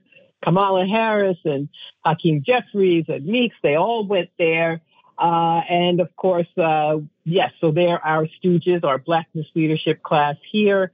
And of course, they um, assist the U.S. in uh, all of its um, uh, bad behavior around the world. So it doesn't matter if it's Kamala Harris, it doesn't matter if it's the president of Kenya. Haiti uh, has a right to be free from interference. Haiti has a right to practice sovereignty. And, and no one talks about sending, uh, building hospitals in Haiti or fixing their sewage system or doing any of the things that Haiti needs. It's all about occupation. It's all about control. And it isn't any better when they find a, a black person to go along. Uh, lastly, um, students for Cornel West say that they're fighting back against the billionaires in the right wing and that they have been abandoned by Joe Biden. Your thoughts? Well, that's absolutely true. You know, uh, uh, Cornel West, he says independent, but he's running for the Green Party nomination. But it's good to see people express this desire to free themselves from the two party duopoly, which has done so much damage here and around the world. We see um, uh, people say we don't want the right wing to win, you don't want Trump to win, or you don't want Ron DeSantis to win. But how how um, uh, less right wing is Joe Biden? What do we have? Billions of dollars to Ukraine and nothing but bad insensitive jokes for the people of Maui. And we're all Maui. Um, the whole country is, we refer to homelessness, joblessness, all kinds of things that are never addressed. So the Democrats uh, talk the talk, but at the end of the day, they don't walk the walk. And they are the errand boys and errand girls of uh, the U.S. oligarchy, uh, doing what corporations want, what wealthy people want, what the military industrial complex want, and that means it's never what the people need. So it's good to see um, people advocating and losing their fear of um, a Democrat not being elected or uh, allowing the Democratic Party, which apparently is never responsible when it loses. Apparently, it's always somebody else's fault. They apparently have no role in uh, the outcome of their elections. So it's good to see people expressing a desire to look outside of the two party system. Uh, it's the fault of black people for not coming to vote for him. Absolutely. Absolutely. We got about 45 seconds, and, and I just wanted to throw this in. We're now hearing about Joe Biden negotiating with Big Pharma to reduce prices on some drugs. And the folks now are applauding the negotiation. They're not talking about the result. And I think we're coming up on Joe Biden having been in office for almost four years. Why now? Why not in the first year? We got 30 seconds, Margaret. Just want to throw that out there. Sure. Well, it's only 10 drugs. right. And it, these, uh, uh, uh, this lowering of the prices won't happen for another two years. So of all the hundreds of drugs that people depend on, this is only Medicare, by the way, for Medicare recipients, they're going to pick the 10 drugs that they think. And uh, a couple of years from now, those people who use those drugs who are on Medicare will see some kind of savings, but we have no idea what that really means. And they're doing it now because next year is election year. And if his negotiation tactics are anything like he did with the labor strike for the railroads, we call that hustling backwards. Oh, they'll double the prices. That'll that'll be his resolution. Margaret Kimberley, as always, thank you so much for your time. Greatly, greatly appreciate it. We look forward to having you back. Thank you so much. Folks, you're listening to the Critical Hour on Radio Sputnik. I'm Wilmer Leon. I'm joined here by my co host, Garland Nixon. There's more on the other side. Stay tuned.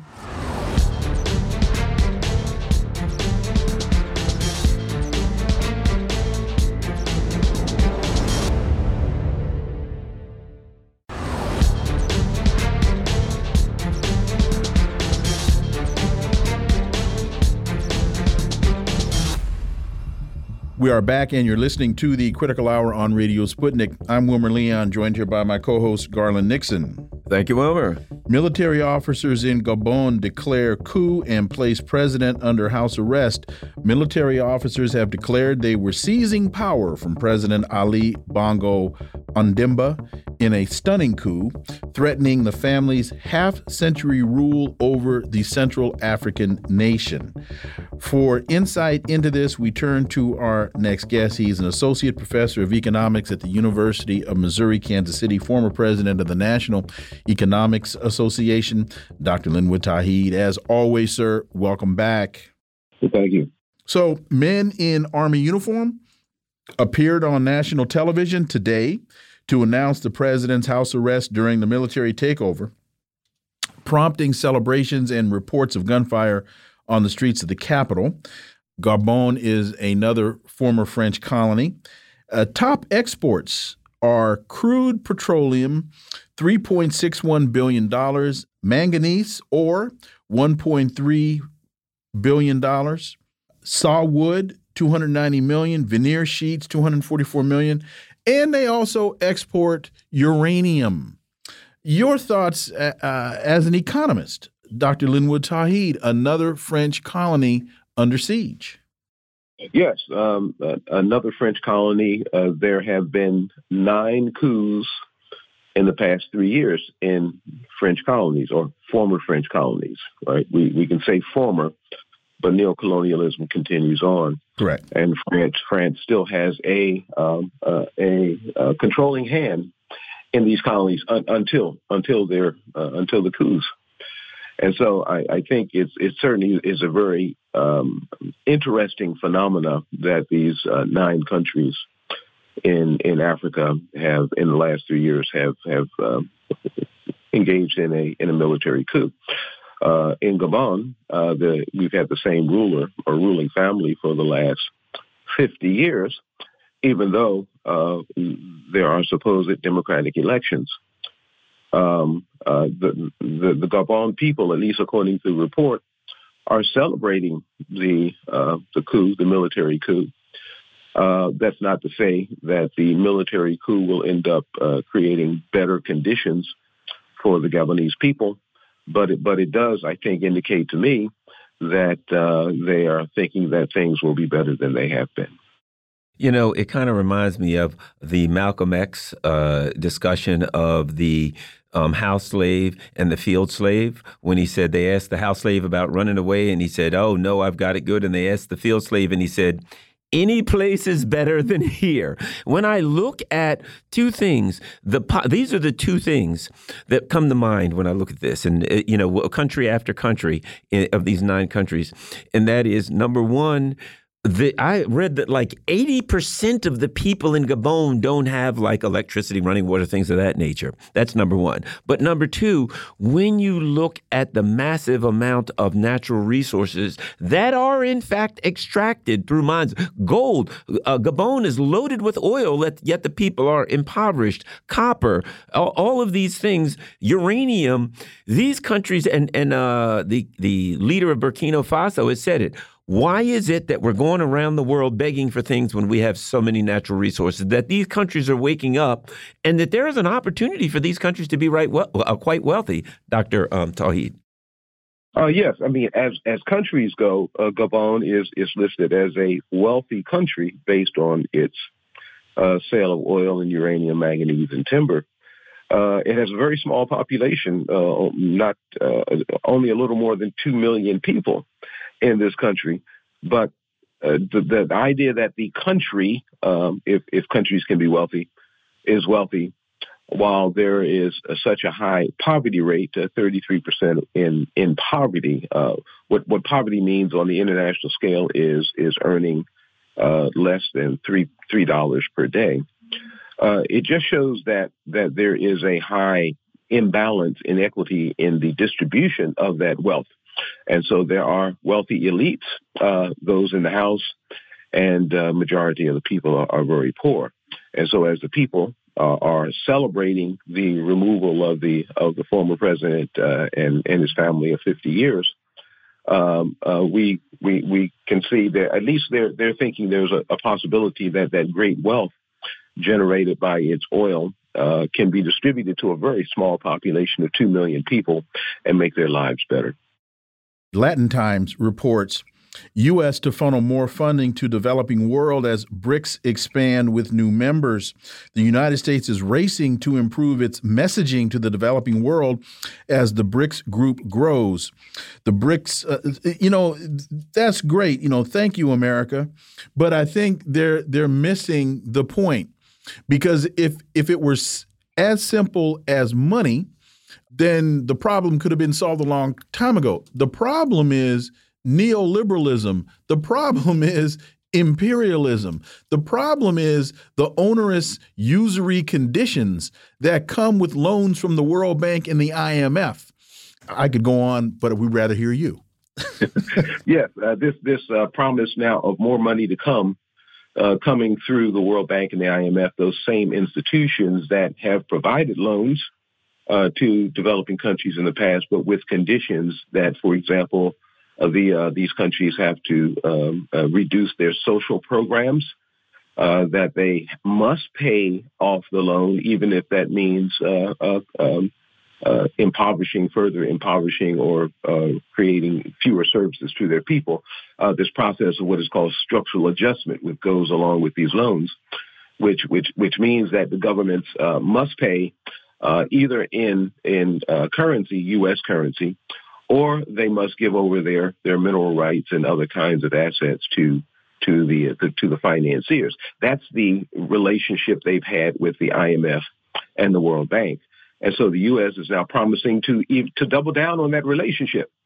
Although uh, Jake Sullivan uh, has promised that they will be reforming or they will be attempting to reform the IMF and the World Bank, which is an interesting proposition uh, since the U.S. is is fully in control of what the IMF and the World Bank does, and so and so the U.S. is simply promising uh, more of the same, but says it, it, it really can't do much uh, to change the conditions.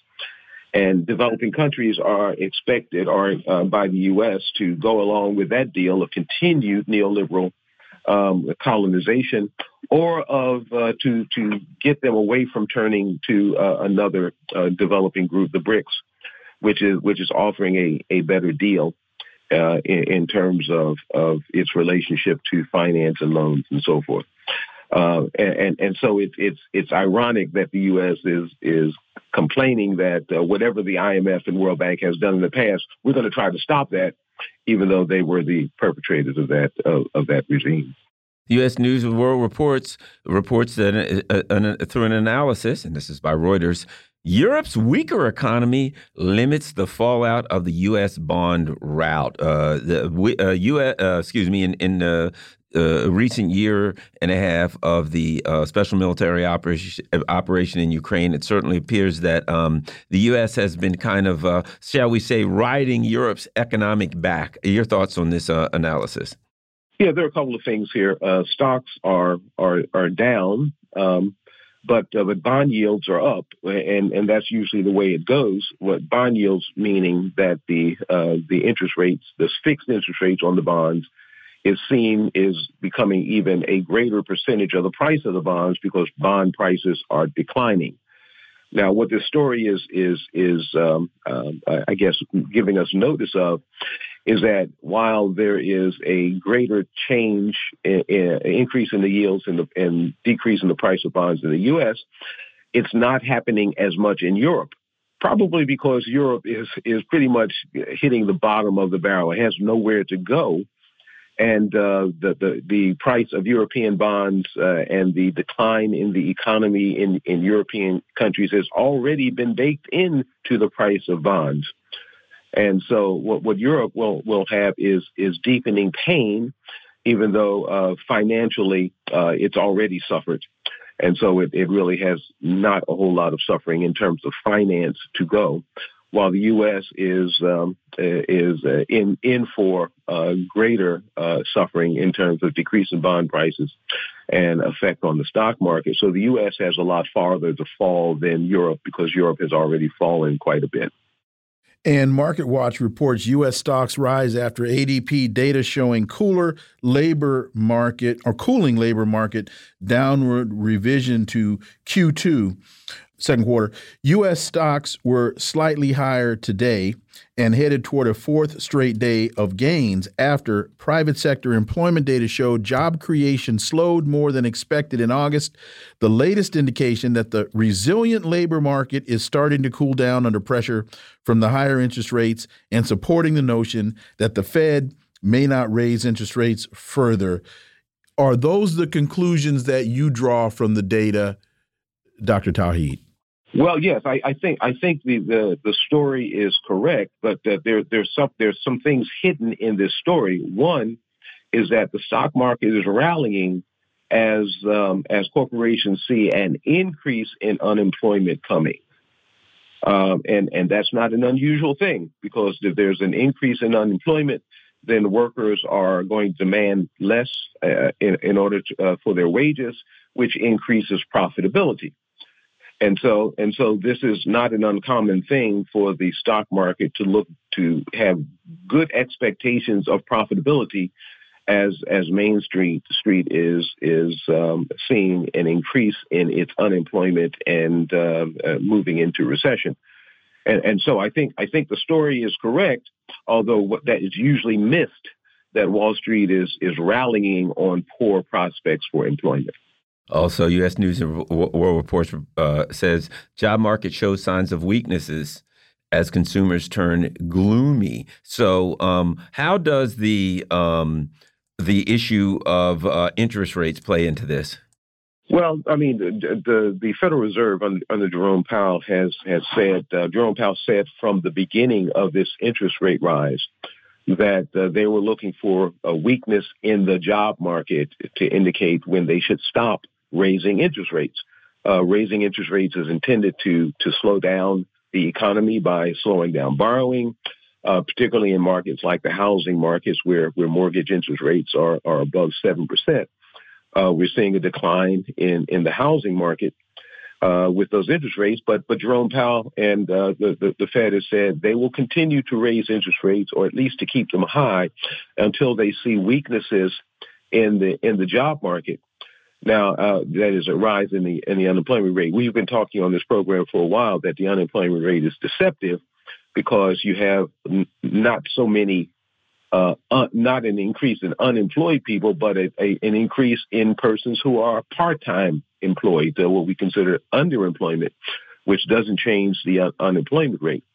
And so we're getting to a point where even those part-time jobs are in depth, are in jeopardy and uh, we are going to see a an increase in the unemployment rate um, that the, that the uh, the Federal Reserve has been looking for and has been uh, intent on causing.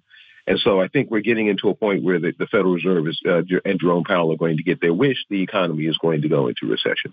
And where do those unemployed people turn since at the same time the administration is applauding these data points, the social safety net to help these unemployed people through these tough times is uh, is is being diminished.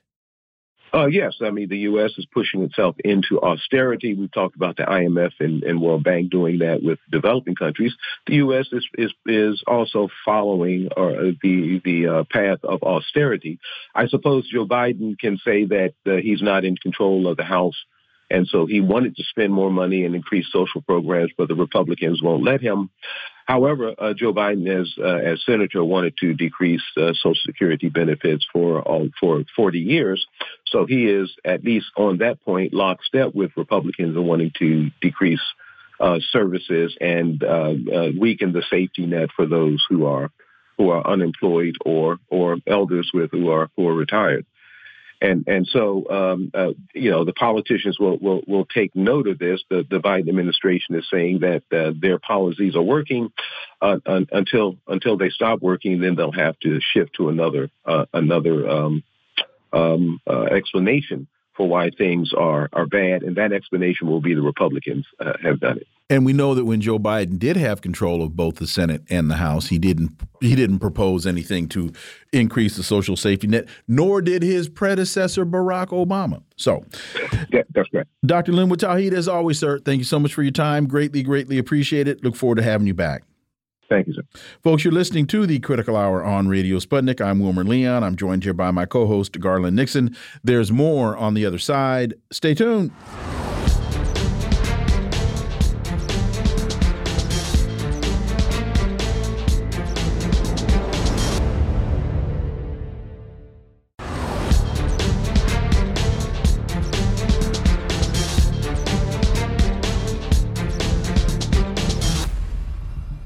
We are back, and you're listening to the Critical Hour on Radio Sputnik. I'm Wilmer Leon, joined here by my co host, Garland Nixon. Thank you, Wilmer. The Washington Post reports more schools that forced American Indian children to assimilate revealed. A nonprofit group has identified 115 more Indian so called boarding schools than has been previously reported, offering new insight into the role of religious institutions in the long-standing federal policy to eradicate Native Americans' culture through their children. For insight into this, we turn to our next guest. He's the editor and publisher at nativenewsonline.net. Levi Rickert. As always, Levi, welcome back. Wilmer, it's really good to be back. Thank you very much. So, the story continues for more than a century. Generations of American Indian, Alaskan Native, and Native Hawaiian children were forced or coerced from their homes and communities and sent to live at schools where they were beaten, starved, and made to abandon their native languages and culture. The U.S. Department of the Interior announced last year that the federal government ran or supported 408 such schools in 37 states, including 21 in Alaska, seven in Hawaii from 1819 to 1969. The new li list released today by the National Native American Boarding School Healing Coalition uses a different criteria, bringing the number of known Indian boarding schools in the country to 523 in 38 states. Levi, one of the things that I found interesting about this story is they're stating in the open 115 more schools have been previous than had been previous, previously reported, offering new insight into the role of religious institutions. New insight to who or whom? Because I I would think y'all knew this was going on the whole damn time, and now they it, so it's new to them doesn't mean it's new. Levi Rickert.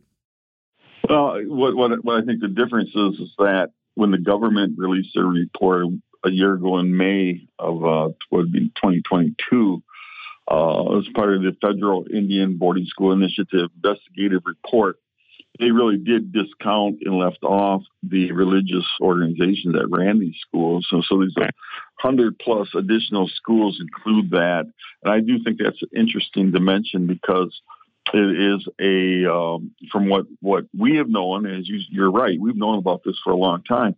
Our community realizes that some of the harshest treatment was really done administered at some of the uh, Catholic Indian boarding schools, and these these nuns and priests were um, child pedophiles. Uh, they, they, it was it was horrible. I mean, sexual abuse, the, uh, the uh, physical abuse, emotional abuse, just just horrible.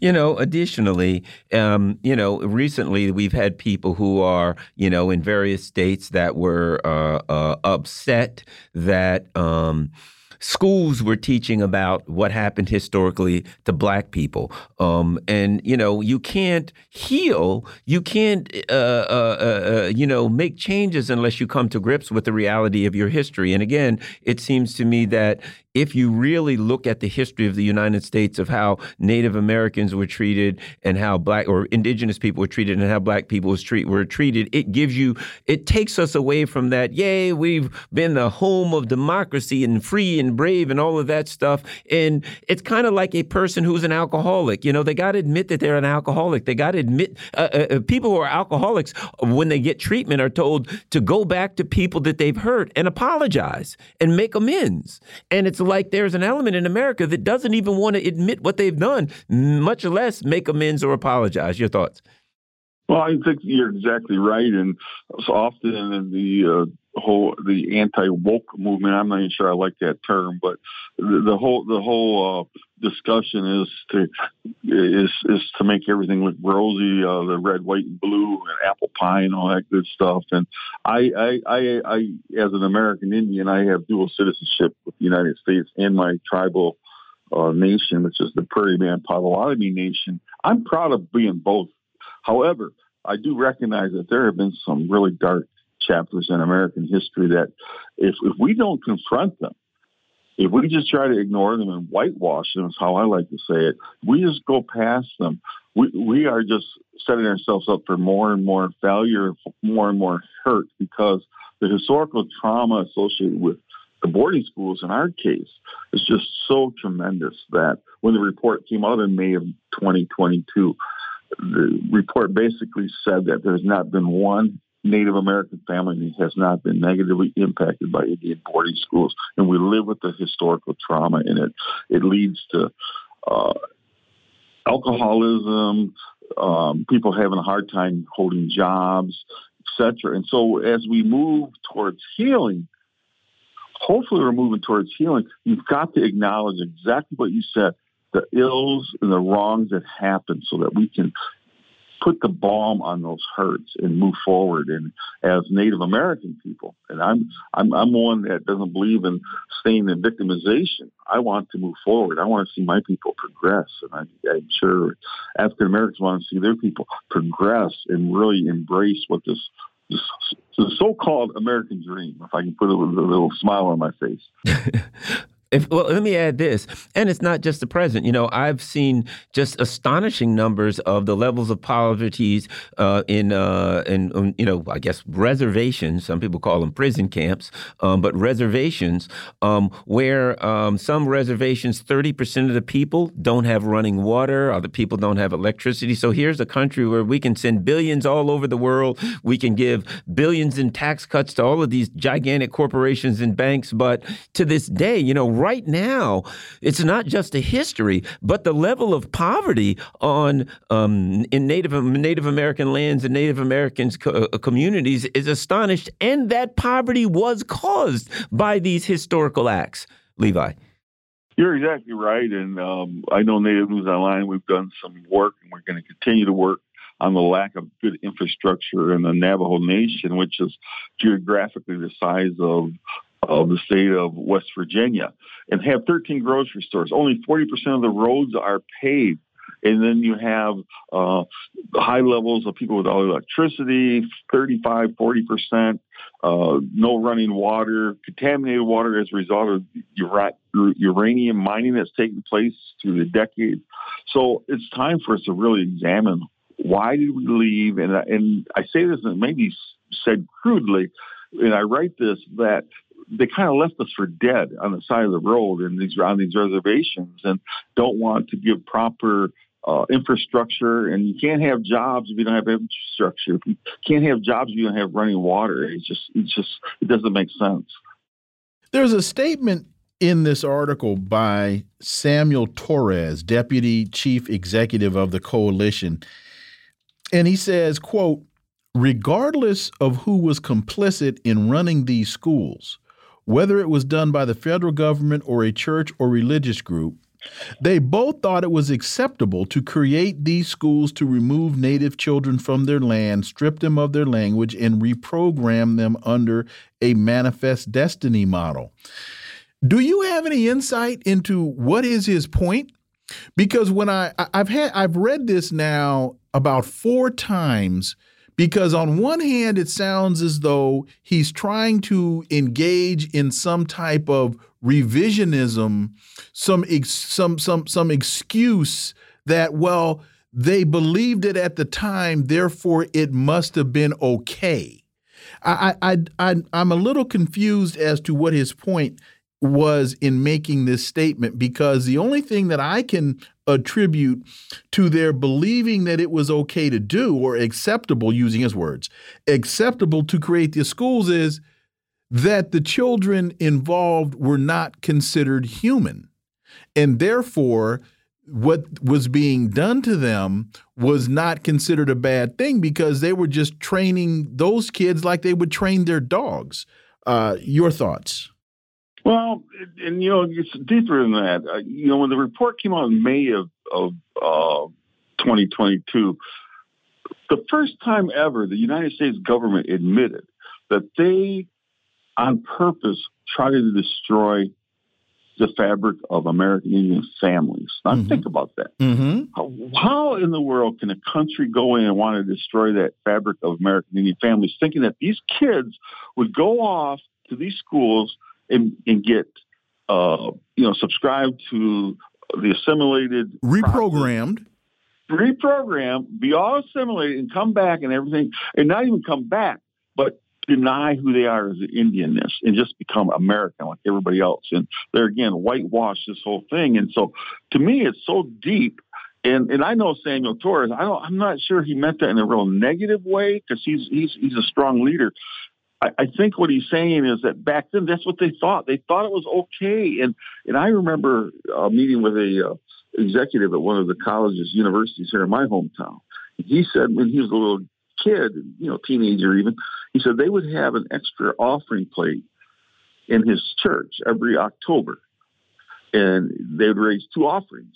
He said, Levi, we thought we were helping these kids because the plea was by the minister, whoever, You've got to dig deeper in your pocket this year to help these Indian kids get their education. He thought we thought we were doing something really good, and so I, I think back then that people did think they were doing something good, but the reality was for Native Americans, it was it was a horrible, horrible thing. The idea of destroying families, and to me, that is one of the bedrocks.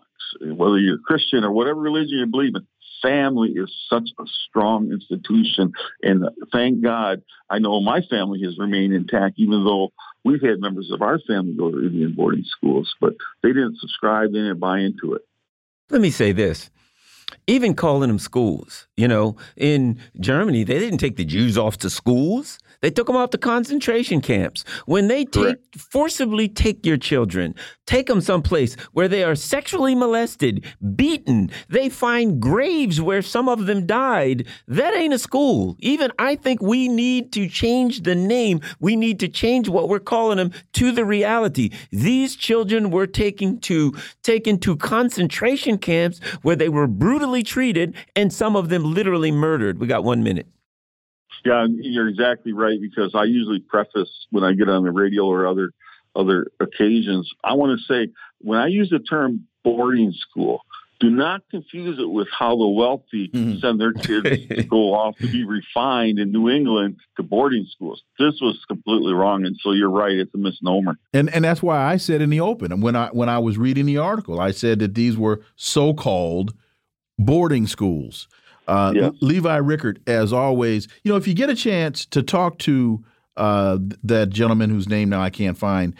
Samuel Torres. Yeah, yeah, ask him that because it very it may very well have been taken out of context, but yes. I would like to know. It, could have been. Okay. Levi thank Rickert. so much. Thank you, man. Really appreciate it, folks. You've been listening to the Critical Hour here on Radio Sputnik. Thank you for allowing our voices into your space.